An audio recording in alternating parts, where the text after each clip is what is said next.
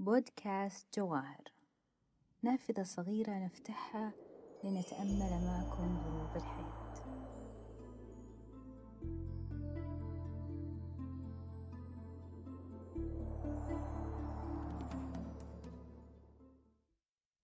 الخيل معقود في نواصيها الخير والنيل إلى يوم القيامة وأهلها معانون عليها فامسحوا بنواصيها وادعوا لها بالبركة.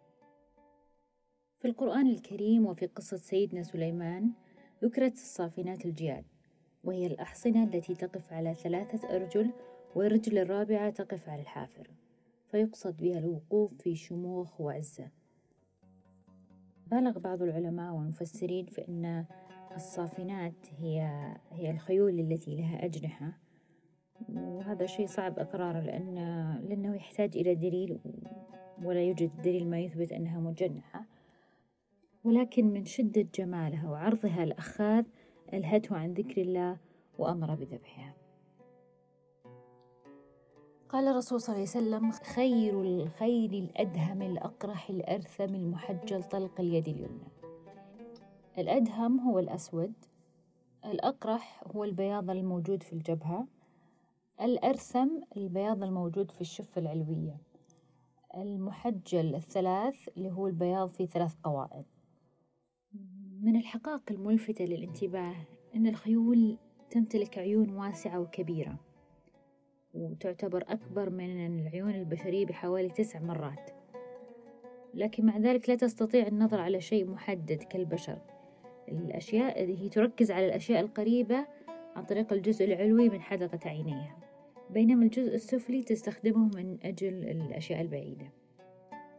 أيضا تمتلك ذاكرة قوية للغاية تستطيع أنها تتذكر أفعال الأشخاص وتصرفاتهم وأثبتت الدراسات الحديثة أنها تمتلك ذاكرة قوية أقوى من ذاكرة الأفيال وتستطيع من خلالها فهم بعض الكلمات البسيطة التي يتم التدريب عليها.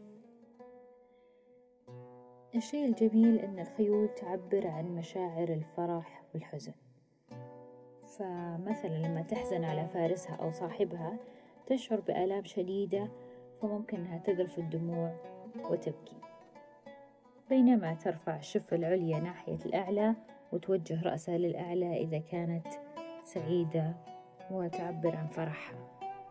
والجدير بالذكر أنها تستخدم في العلاج النفسي لأنها تتمتع بذكاء وحساسية شديدة وتكسب المريض شعور بالهدوء والطمأنينة والراحة ويعتبر من السهل إقامة رابطة قوية بينهما.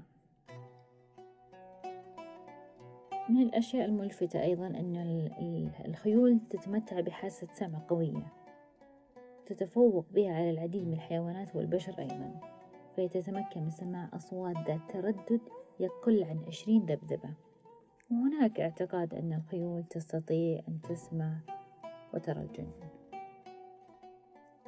منذ القدم وإحنا نقرأ قصائد نسمع أغاني فيها تشبيه جمال المرأة بجمال المهرة أو جمال الفرس. فشبهت المرأة بالفرس في في عنقها الطويل خصرها الضيق والمشي الخيلاء والجموح. وما هند إلا مهرة عربية سليلة أفراس تحللها بغل فإن ولدت فحلا فلله درها وإن ولدت بغلا فجاء به البغل. مهرة تلعب على روس الجبال تلمس الغيمة وباركها نزل. واختمها طبعا بخالد الفيصل. وأحب أسفل مهرة اللي تغلى وأحب أروض كل طرف يمل